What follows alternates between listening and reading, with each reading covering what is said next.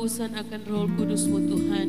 Dan kerinduan kami semua adalah Tuhan, biar roh kudusmu hadir di tempat ini, melawati kami Tuhan, memulihkan kami, memberkati kehidupan kami, dan biar kami boleh menjadi orang-orang yang menyenangkan hati Tuhan. Malam hari ini Tuhan, sebelum kami menyembah Tuhan, sebelum kami memuji memuliakan nama Tuhan, kami rindu diberkati lewat kebenaran firman Tuhan. Kami rindu Tuhan diajar lewat kebenaran firman Tuhan. Dan sepanjang jalannya doa pada malam hari ini, kami taruh dan serahkan ke dalam tangan Tuhan. Biar apa pun yang akan terjadi ini Tuhan di sepanjang malam ini dalam doa ini Tuhan. Semua hanya seturut kehendak Tuhan saja. Biar roh Tuhan saja yang bekerja di tempat ini, di hati kami dan di pikiran kami Tuhan. Dan buat rekan-rekan kami jemaat Tuhan yang dalam perjalanan ke tempat ini, Tuhan tibakan dengan selamat. Biar sama-sama kami boleh menikmati lawatan kuasa roh kudus Tuhan. Buat seluruh hambamu yang mengambil bagian dalam acara doa malam yang ke ini Tuhan, kami taruh dan serahkan ke dalam tangan Tuhan. Urapi mereka, berkati mereka Tuhan. Terpujilah namamu Tuhan kekal buat selama-lamanya. Kami mulaikan doa pada malam hari ini, serta kami berdoa hanya di dalam nama Tuhan Yesus Kristus, yang adalah Tuhan dan Juru Selamat kami yang hidup. Haleluya. Amin.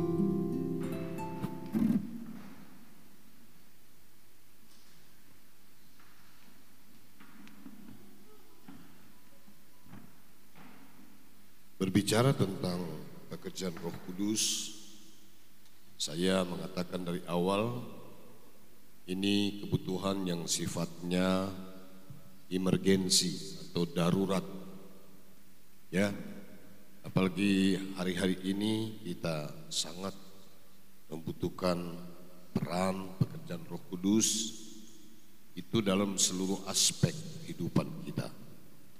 Apakah kita sebagai seorang bapak, sebagai seorang ibu, bahkan juga mungkin anak-anak.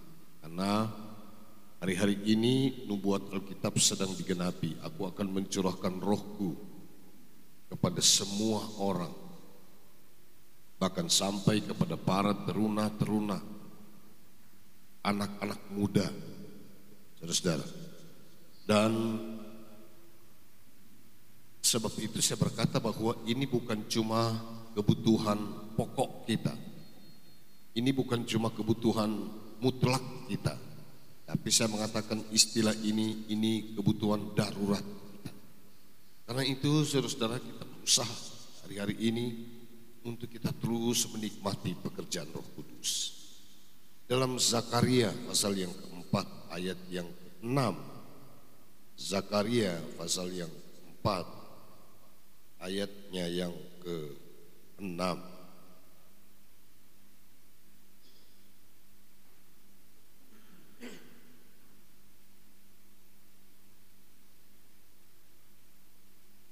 Ayat yang keenam, saudara bisa membaca, kita baca bersama-sama ayat ini. Zakaria pasal yang keempat ayat yang keenam. Dia mengatakan ini, dua, tiga. Maka berbicaralah ia katanya. Inilah firman Tuhan kepada Zerubabel bunyinya. Bukan dengan keperkasaan dan bukan dengan kekuatan melainkan dengan rohku firman Tuhan semesta alam. Ayat ini muncul ketika Zerubabel ini dipercayakan untuk memimpin umat Tuhan yang pulang dari pembuangan di Babel. Ketika genap waktunya seperti apa yang firman Tuhan telah sampai sampaikan kepada mereka, mereka dibuang selama 70 tahun Sesudah pembuangan itu mereka dikembalikan oleh Tuhan di negeri mereka di Yerusalem di Israel di tanah Kanaan. Hari-hari ini Saudara-saudara perkembangan untuk uh, dunia politik di Timur Tengah mata dunia sedang tertuju ke arah sana karena ternyata ada beberapa negara yang telah menyebut Hamas itu sebagai kelompok teroris dunia. Hamas adalah pejuang negara Palestina. Lalu ada seorang ustadz dari tentu saja muslim yang menjelaskan tentang sejarah yang sesungguhnya. Di sekarang ini, saudara-saudara, Benyamin Netanyahu dia sedang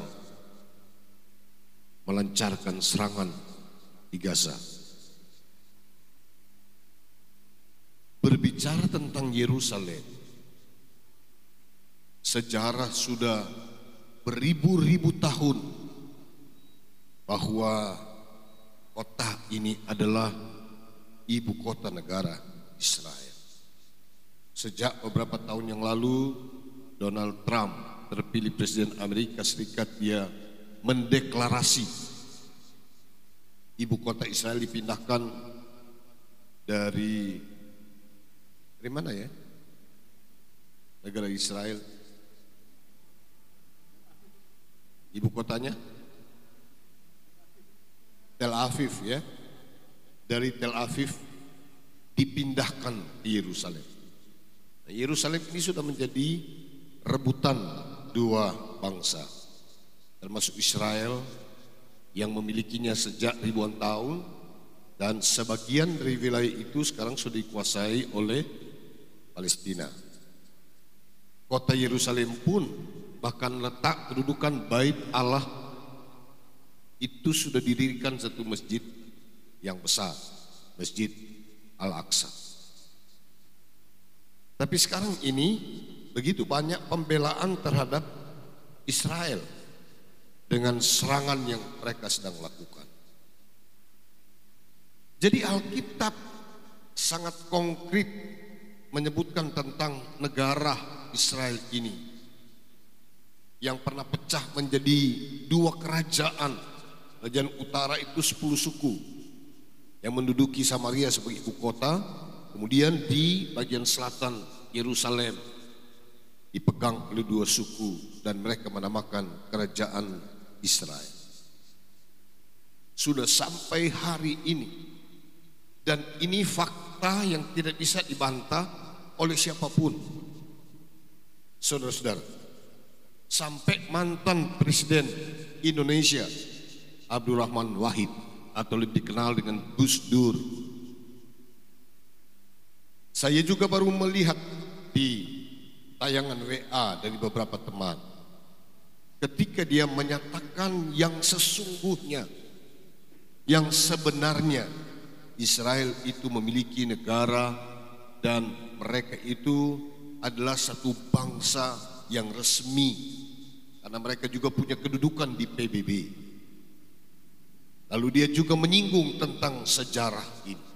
Kenapa saya menghubungkan dengan ini? Karena ini fakta real bahwa ketika pun Tuhan menghukum mereka 70 tahun, akhirnya mereka juga dikembalikan oleh Tuhan. Nah, dalam membangun kembali bait suci di Yerusalem, maka mereka yang pulang dari Babel itu menghadapi banyak sekali tantangan dari berbagai pihak dan berbagai sumber. Menekan mereka bahkan menghalangi mereka untuk membangun pembangunan Yerusalem sebagai kota pembangunan bait Allah sebagai pusat eh, kegiatan spiritual keagamaan dari orang Israel itu dihambat sampai kepada pembangunan pagar tembok kota itu. Saudara-saudara, karena waktu tahun 70 sorry bukan tahun 70 tahun 606 tidak salah. Babel menguasainya itu sebelum Kristus. Itu di bumi hanguskan bahkan di ratah tanah. Di zaman perjanjian baru pun seperti itu. Ya, tahun 70 Masehi kota itu pun diruntuhkan dan Yesus menubuatkan tentang keruntuhan itu. Dia berkata tidak ada satu batu terletak di atas batu yang lain bukan main. Kota itu memang ratakan itu Jenderal Titus datang memimpin menghancurkan Yerusalem. Tapi yang kita bicarakan ini sesudah itu ada pemulihan. Sesudah Babel menghancurkan kota itu ada pemulihan. Lalu kemudian bangsa ini dikembalikan oleh Tuhan. Rombongan yang datang itu dibawa pimpinan oleh Zerubabel. Imam besarnya adalah Yosua yang menjadi pemimpin negara dan pemimpin agama. Zerubabel ini adalah bupati di wilayah Yudea. Ketika menghadapi pembangunan ini maka ketakutan demi ketakutan datang. Sehingga Zerubabel ini berusaha membangun satu kekuatan. Kekuatan untuk menghadapi musuh. Paling tidak dia menyiapkan kekuatan tentara, mungkin kekuatan senjata, bahkan kekuatan-kekuatan yang lain. Saudara. Perang itu tidak selamanya kekuatan senjata. Ya, ada juga kekuatan diplomasi, ada kekuatan strategi dan banyak hal yang berhubungan dengan apa yang namanya perang menghadapi musuh. Tapi saudara-saudara, di tengah-tengah mereka sedang bingung mempersiapkan ini menghadapi tantangan demi tantangan yang datang menghambat mereka dalam pembangunan bait suci maka berfirmanlah Tuhan. Firman Tuhan ini sekaligus teguran dan sekaligus ya bisa saja bersifat ejekan. Kenapa? Saudara-saudara. Tidak salah negara kita membangun kekuatan ekonomi, tidak salah negara kita membangun kekuatan sosial politik. Tidak salah negara kita membangun kekuatan budaya dan seterusnya. Tidak salah negara kita membangun kekuatan pendidikan, membangun kekuatan kesehatan apalagi hari-hari ini. Hampir semua anggaran kita dicurahkan pada kesehatan untuk menjaga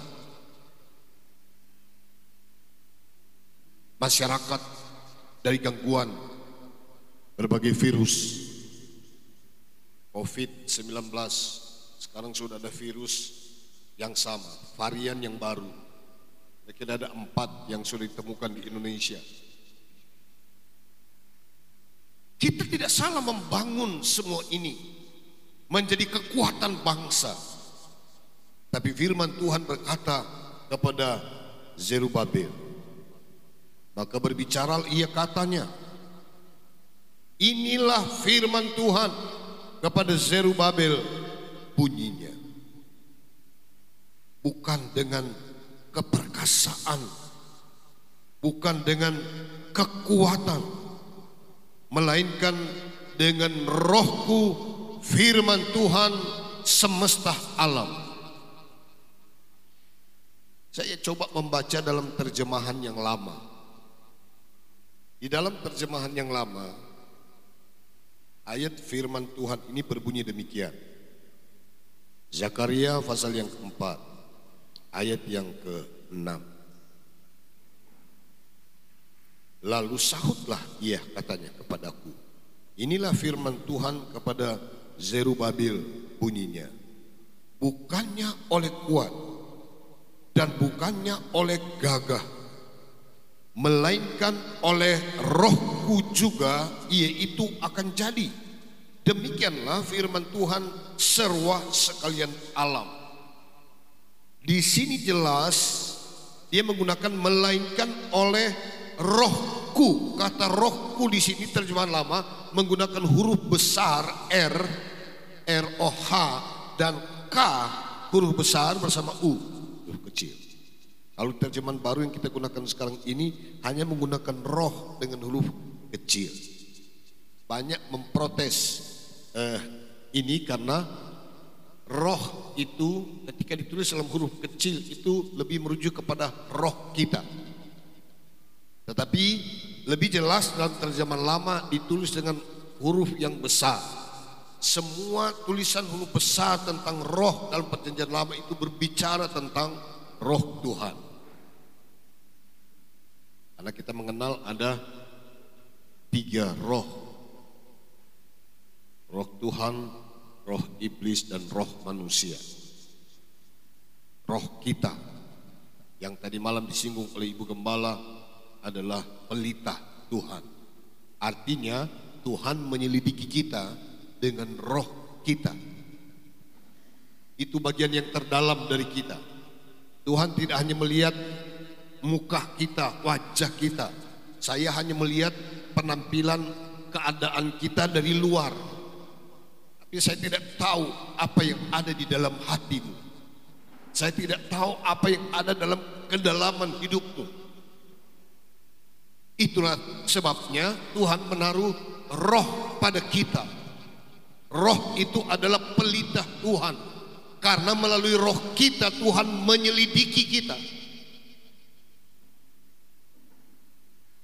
Haleluya. Kekuatan apa pun boleh kita bangun. Gereja harus membangun kekuatan. Termasuk ada gereja sekarang yang mengutamakan pembangunan finansial, pembangunan kekuatan keuangan, sehingga lahirlah, muncullah apa yang menjadi istilah pengajaran tentang teologi kemakmuran. Teologi kemakmuran itu orang mesti datang semua dalam keadaan yang mewah, dalam keadaan yang kaya. Karena Tuhan kita Tuhan yang kaya. Tapi akhirnya pendiri paham tentang teologi kemakmuran ini. Dia meminta maaf.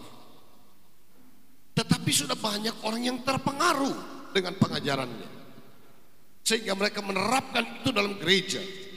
Mereka mereka lebih mengutamakan baik di samping kita beribadat tapi kita juga harus membangun kekuatan bisnis kita. Akhirnya banyak gereja yang kemudian menjadi masalah dengan keuangan. Ada satu gereja besar kita tidak usah saya sebutkan di Indonesia sampai KPK turun untuk mengadakan audit keuangan gereja itu. Bukan oleh kuat.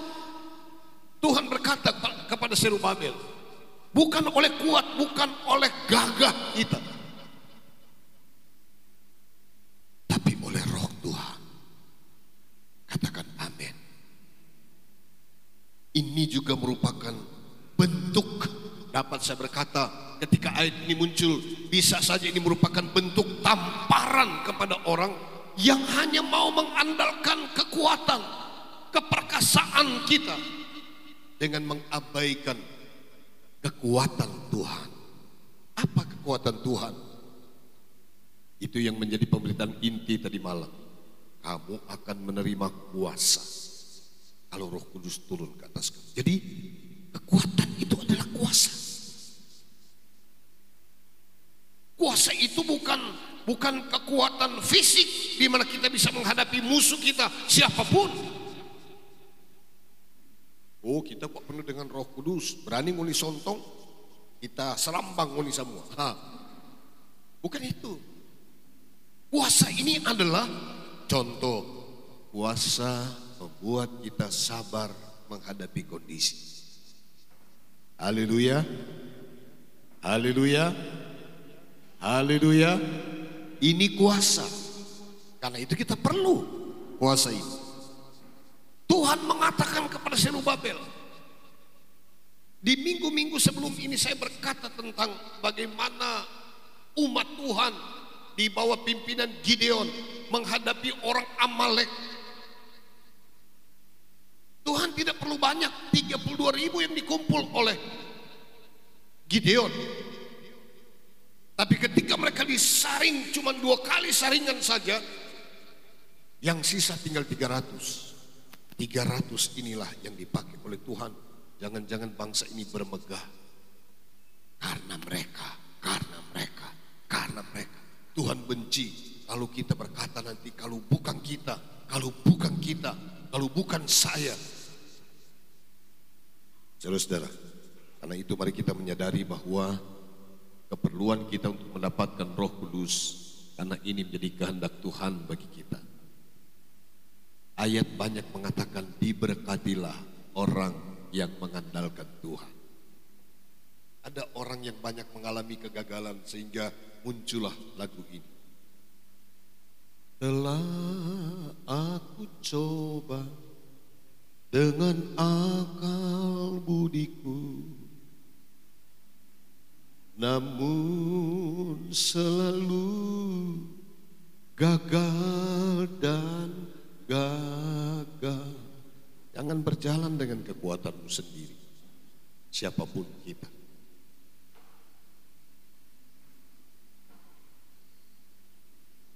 Orang kalau sedih oto sampai cucu-cucu sebelum berjalan dong setahun papi berdoa. Kadang-kadang kita semua bilang, Javier berdoa. Atau Febrian berdoa. Atau Jennifer berdoa. Apa pun bentuk bahasa mereka. Tapi saya yakin, karena mereka sudah tahu. Setiap kali kami mau mengadakan perjalanan, jadi otot terang, Anak-anak justru cucu-cucu ini mengingatkan, papi berdoa. Bukan saya tidak berdoa, tapi memang itu sudah merupakan sesuatu yang menjadi dasar setiap perjalanan kami. Kenapa? Kami tidak bisa berbuat sendiri atau mengandalkan apa pun yang ada pada kami. Sehingga kami harus berdoa. Cuma pernah ada satu kali kita suruh Javier berdoa. Febrian bilang, papi berdoa. Saya bilang, Javier berdoa. Hmm, kita dong. Ini dia berdoa.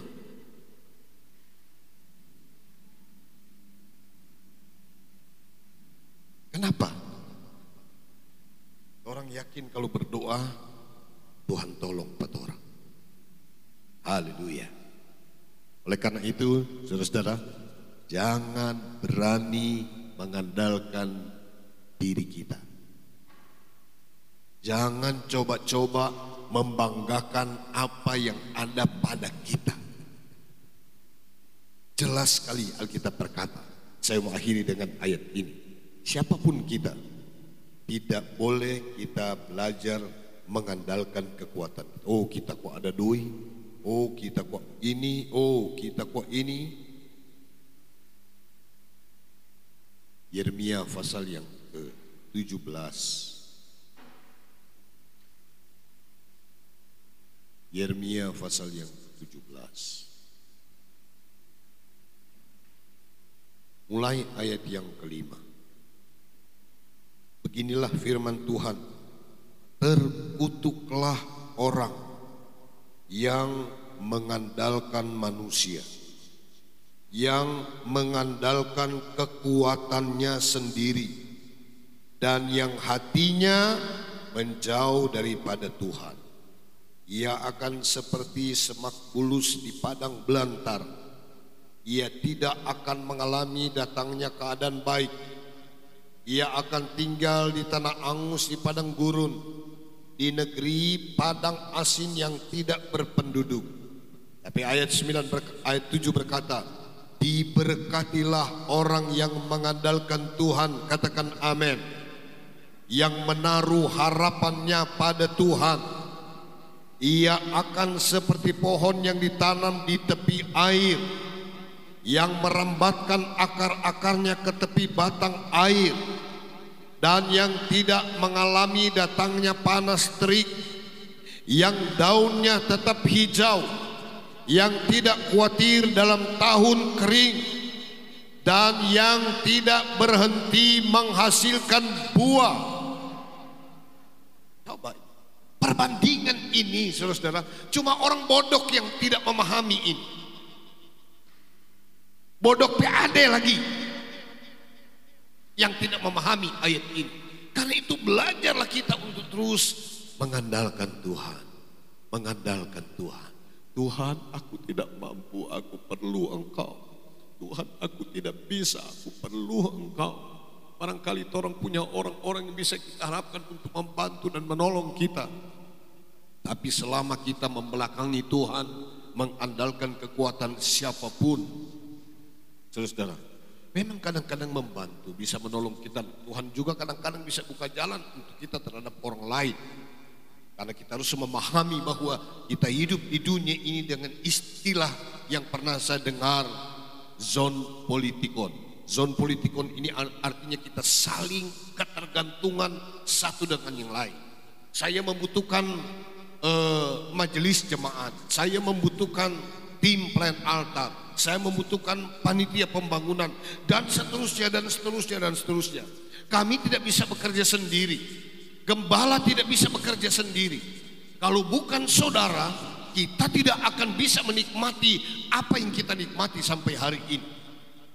Tapi menghadapi pembangunan pastori bahan sedikit demi sedikit kita mulai kumpul sekarang berharaplah kepada Tuhan. Andalkanlah Tuhan. Diberkatilah orang yang mengandalkan Tuhan. Haleluya. Sekali lagi, diberkatilah orang yang mengandalkan Tuhan. Dan terkutuklah orang yang mengandalkan manusia. Ini jelas. Oleh karena itu muncul ayat ini. Di tengah-tengah mungkin ada niat dari Babel untuk mengandalkan kekuatan, membangun kekuatan, menghadapi musuh. Tetapi Tuhan berkata, bukan oleh kekuatan, bukan oleh keperkasaan. Tapi oleh roh Tuhan, oleh rohku, kata Tuhan. Haleluya. Karena itu sekali lagi saudara-saudara, andalkan Tuhan, andalkan roh kudus dalam kehidupan kita. Tuhan menolong kita, Tuhan memberkati kita malam hari ini. Haleluya. Puji Tuhan. Saya percaya Tuhan menilik segala sesuatu. Buka hati bagi Tuhan, kita akan berkata bahwa tanpa Tuhan kita tidak bisa berbuat apa-apa. Mari kita merendahkan diri di hadapan Tuhan. Haleluya. Peganglah tanganku roh kudus. Puji Tuhan. Haleluya. Kita nyanyi nyanyian ini, saudara-saudara, Bawa kita dalam menyembah Tuhan. Bagi Tuhan tidak ada yang mustahil. Kita percaya, kita yakin. Haleluya. Kalau lain orang ditolong, saya juga, kita juga, semua kita punya niat dan tekad yang sama. Malam-malam ini kita terus menikmati lawatan Tuhan, lawatan Roh Kudus bagi kita.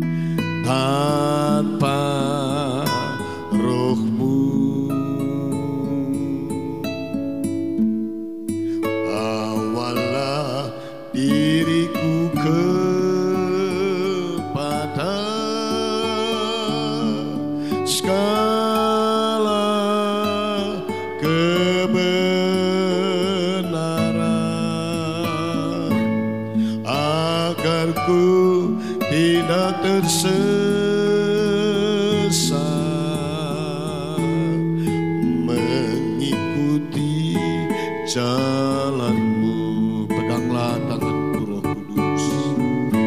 Peganglah tanganku roh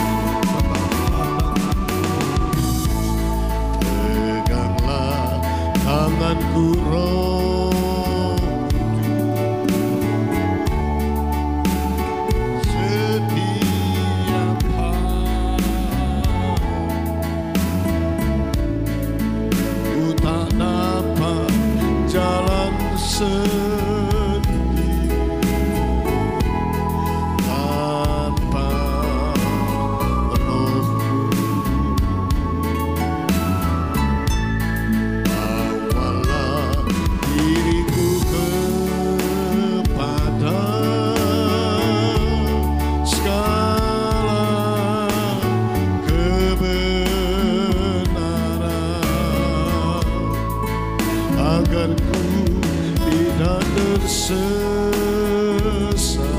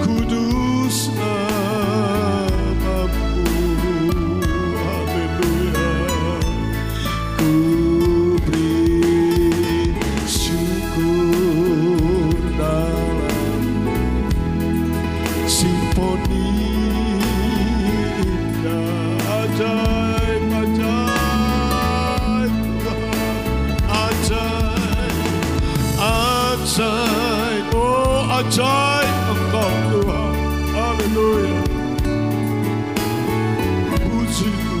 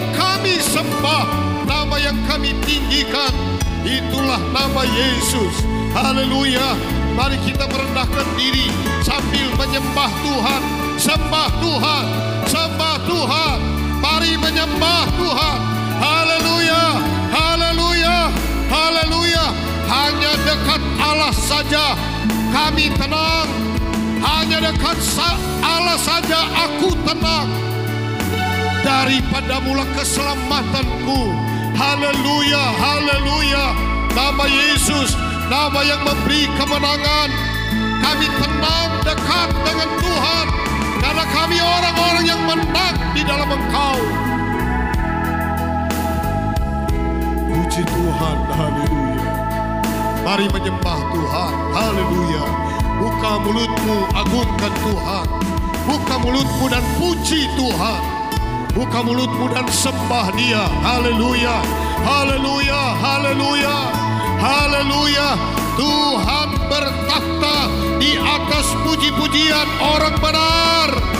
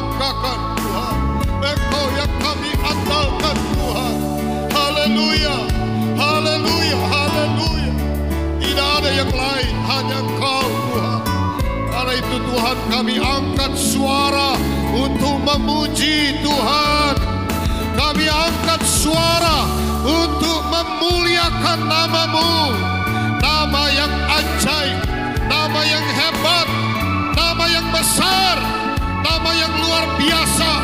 Itulah nama Yesus, nama Yesus, nama Yesus, nama Yesus, nama di atas segala nama.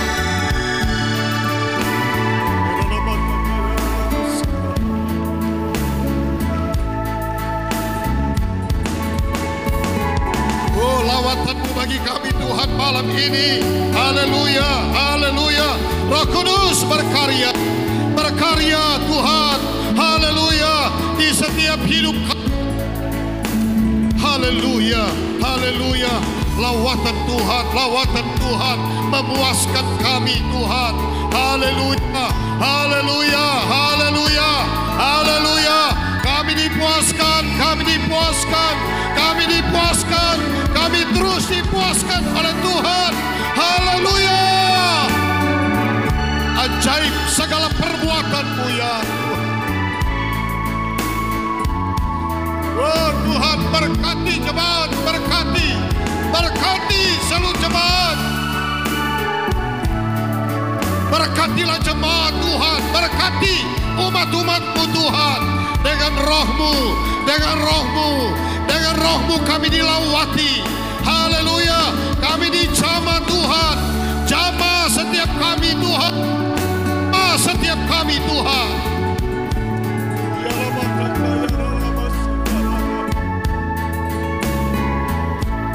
Oh, haleluya, haleluya, haleluya, haleluya. Kami tidak bisa berbuat apa-apa tidak dapat melakukan apa pun. Tetapi bersamamu Tuhan, kami lakukan perkara besar. Engkau Allah yang menginjak para lawan kami.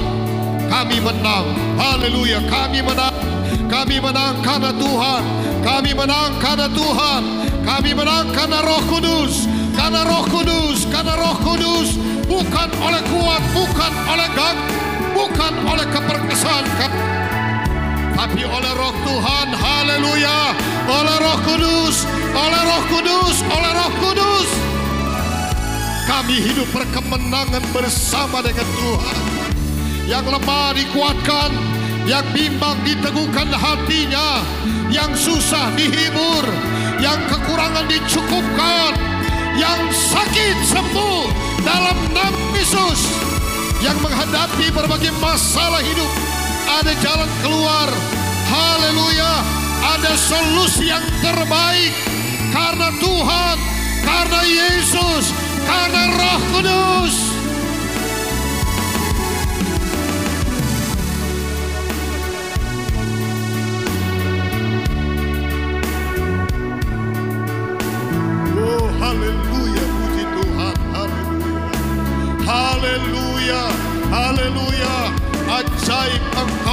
Engkau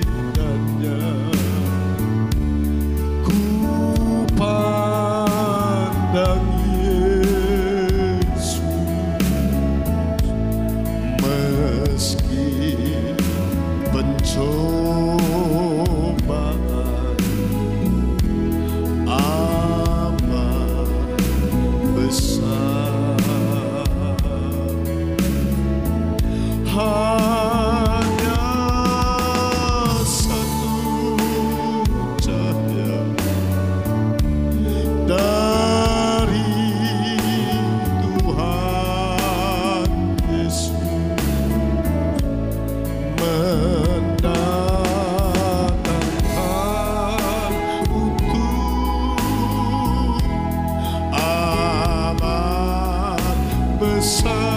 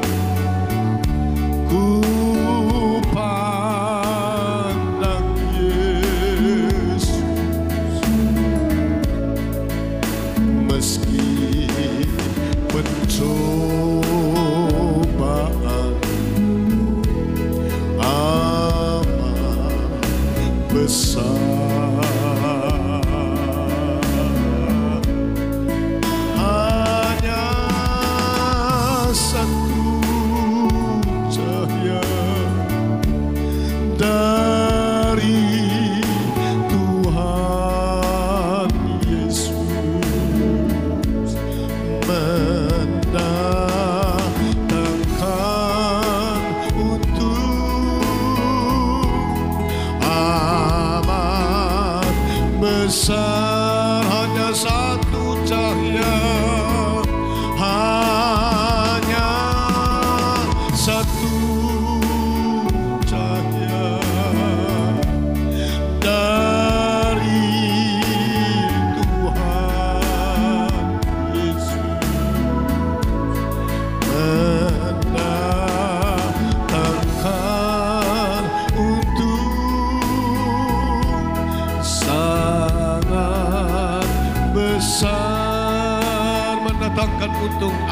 besar mendatangkan untung amat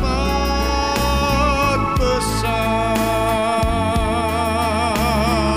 Haleluya haleluya haleluya. Inilah pernyataan kami ketika kami ada di dalam Tuhan. Ada keuntungan besar ada untung besar ada keuntungan besar. Haleluya. Bila kami selalu memandang kepada Tuhan hanya ada satu cahaya yang membawa kami untuk menikmati keuntungan yang besar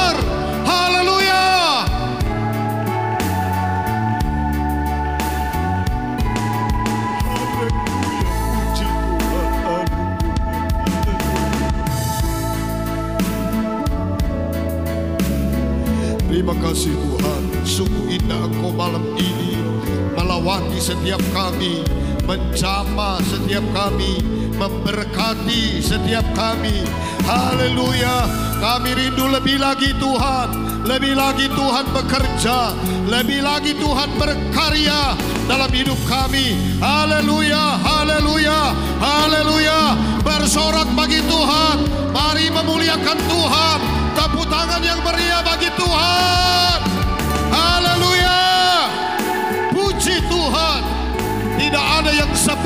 Tuhan. Tidak ada yang sama dengan Tuhan. Engkau sumber bagi kami.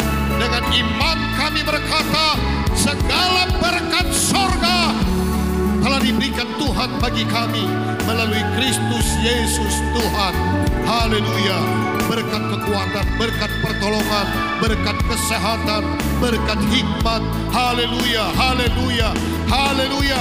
Berkat semua kebutuhan kami terpenuhi di dalam Tuhan. Kami sungguh berbahagia. Kami bersuka cita karena Tuhan, karena Roh Kudus berkarya dan bekerja dalam kehidupan kami. Haleluya. Terima kasih Tuhan. Terima kasih buat segala pertolongan Tuhan bagi kami. Terima kasih Tuhan. Kami akan mengakhiri malam yang tenang ini. Tapi besok masih ada malam-malam selanjutnya. Oh Tuhan masih ada empat malam ke depan. mana kami akan datang kepada Tuhan dengan kerinduan untuk terus dipuaskan di hadiratmu. Hadiratmu letak kekuatan kami Tuhan. Urapanmu adalah kekuatan kami. Bahkan Tuhan, haleluya, Roh Kudus membawa kami dari satu kemenangan kepada kemenangan yang lain. Haleluya. Tuhan menyediakan berkat-berkat indah bagi kami malam ini dan seterusnya. Seluruh jemaat Immanuel diberkati oleh Tuhan. Kami percaya Tuhan terus berkarya dalam menolong kami, menyertai kami dan memberkati kami Tuhan. Haleluya. Kekasih-kekasih kami yang sakit Tuhan tolong kami percaya walaupun mereka tidak hadir di tempat ini tapi Tuhan engkau tidak dapat dibatasi oleh apa pun Haleluya. Situasi, kondisi apa pun tidak dapat membatasi engkau. Di mana saja jemaat Immanuel terbaring karena sakit. Kami mohon kemurahanmu dijama, disembuhkan, dipulihkan. Mujizat Tuhan terjadi. Ada kesaksian yang indah tentang Yesus yang hebat. Tentang Yesus yang luar biasa. Yang menyembuhkan orang sakit. Terima kasih jemaat semua dilawan Tuhan dijama, dipulihkan, disembuhkan yang sakit dan Tuhan memberkati seluruh jemaat baik yang ada di kedua desa Rerer ini bahkan juga di luar desa Rerer di luar daerah kami ini bahkan sampai di luar negeri. Seluruh jemaat Immanuel diberkati Tuhan. Rumah tangga kami dalam kebahagiaan senantiasa. Sehat-sehatkan kami semua segala usaha pekerjaan mata pencarian bisnis jemaat dijadikan Tuhan berhasil. Haleluya haleluya. Semakin hari kami semakin mengasihi Tuhan semakin cinta Tuhan kami semakin setia dengan Tuhan dan kami semakin berpengalaman indah bersama dengan Tuhan. Siapa pun yang melihat kami, siapa pun yang mendengar kami, mereka diberkati, mereka pun diselamatkan sebagaimana Tuhan menyelamatkan kami. Terima kasih Tuhan. Pekerjaan Tuhan di Immanuel kami tetap serahkan dalam tanganmu. Kiranya engkau Allah terus berkarya, bekerja di tengah-tengah pelayanan pekerjaan Tuhan di jemaat Immanuel. Tuhan pembangunan ini Tuhan sudah memulai. Tuhan juga yang akan menyelesaikannya. Di tanganmu segala berkat. Bahkan kami akan memulai satu pekerjaan untuk pembuatan pastor yang baru. Tuhan kami percaya. Oh Tuhan Engkau campur tangan. Tuhan turut bekerja untuk mendatangkan kebaikan bagi setiap orang yang percaya dan mengasihi Tuhan. Membukakan sumber-sumber bagi kami untuk apa yang kami butuhkan dalam kemajuan pelayanan pekerjaan Tuhan Jemaat Immanuel. Kami gembala, seluruh tua-tua sidang, pimpinan-pimpinan wadah, bahkan kami berdoa buat seluruh pelayan altar, eh, panitia pembangunan, Tuhan tolong kami serahkan semua dalam tanganmu sampai kepada para kostor. Tuhan berkati mereka. Kami semua bersama jemaat bergandeng tangan, berjalan, bekerja, menopang pelayanan. Siapa pun yang membantu kami dalam bentuk bantuan apa pun, dalam topangan apa pun, di mana pun mereka berada, kami percaya diberkati kiranya oleh Tuhan. Haleluya. Mereka yang telah memberi, mereka yang mem masih ber, berupa janji iman. Tapi Tuhan tolonglah setiap tangan yang melayani pekerjaanmu tidak sia-sia. Haleluya. Kami percaya firmanmu. Berilah maka kamu akan diberi. Dan ini berlaku bagi setiap kami. Bagi setiap jemaat. Bagi seluruh jemaat Immanuel. Terpujilah nama Tuhan. Terima kasih Bapak. Ini doa kami. Kami juga berdoa buat bangsa negara kami. Indonesia diberkati situasi Tuhan yang terjadi, kondisi yang sedang melanda negara ini Tuhan yang terus, oh Tuhan menjadi harapan kami, tanganmu yang kuat memulihkan bangsa kami, mengamankan negara ini, bahkan dari kelompok-kelompok yang tidak bertanggung jawab yang hanya meresahkan negara ini para kaum-kaum teroris bahkan Tuhan berbagai Tuhan agama aliran agama dengan uh, Tuhan dengan dengan kehendak-kehendak yang dipaksakan seolah-olah dari kehendak-kehendak manusia. Tuhan, kami serahkan dalam tangan Tuhan jaringan-jaringan aliran keras di negeri ini yang Tuhan membuat kegaduhan. Tolonglah Tuhan, haleluya. Amankan Tuhan negeri ini, singkirkan semua niat hati yang jahat untuk bangsa kami. Karena itu, berikanlah pertolongan buat pemerintah kami mulai dari Presiden Jokowi bahkan juga seluruh menteri kabinet Indonesia maju dan juga kami doakan lembaga-lembaga tinggi negara termasuk TNI dan Polri bahkan Tuhan pemerintah tingkat provinsi para gubernur wali kota bupati camat lurah bahkan hukum tua sampai kepada pemerintah yang ada di desa-desa dusun-dusun semua Tuhan dalam kontrol Tuhan seluruh kebijakan pemerintah semua untuk bertujuan demi kesejahteraan masyarakat terima kasih Tuhan terpujilah namamu kami menyerahkan seluruh keberadaan hidup kami dalam tanganmu. Biar Indonesia terus diinjili oleh Tuhan. Berbagai cara dapat digunakan oleh Tuhan. Hamba-hambamu dengan berbagai metode pelayanan penginjilan. Baik pribadi, kelompok, bahkan mungkin juga dalam perhimpunan-perhimpunan besar. Kiranya engkau memberkati. Haleluya. Tuhan dimuliakan, diagungkan dan dibesarkan. Terima kasih Bapak yang baik. Terima kasih Tuhan Yesus. Ini doa kami Tuhan. Kami menyerahkan kehidupan kami semua dalam tanganmu. Malam ini apabila kami beristirahat, Tuhan jaga lindungi pelihara kami.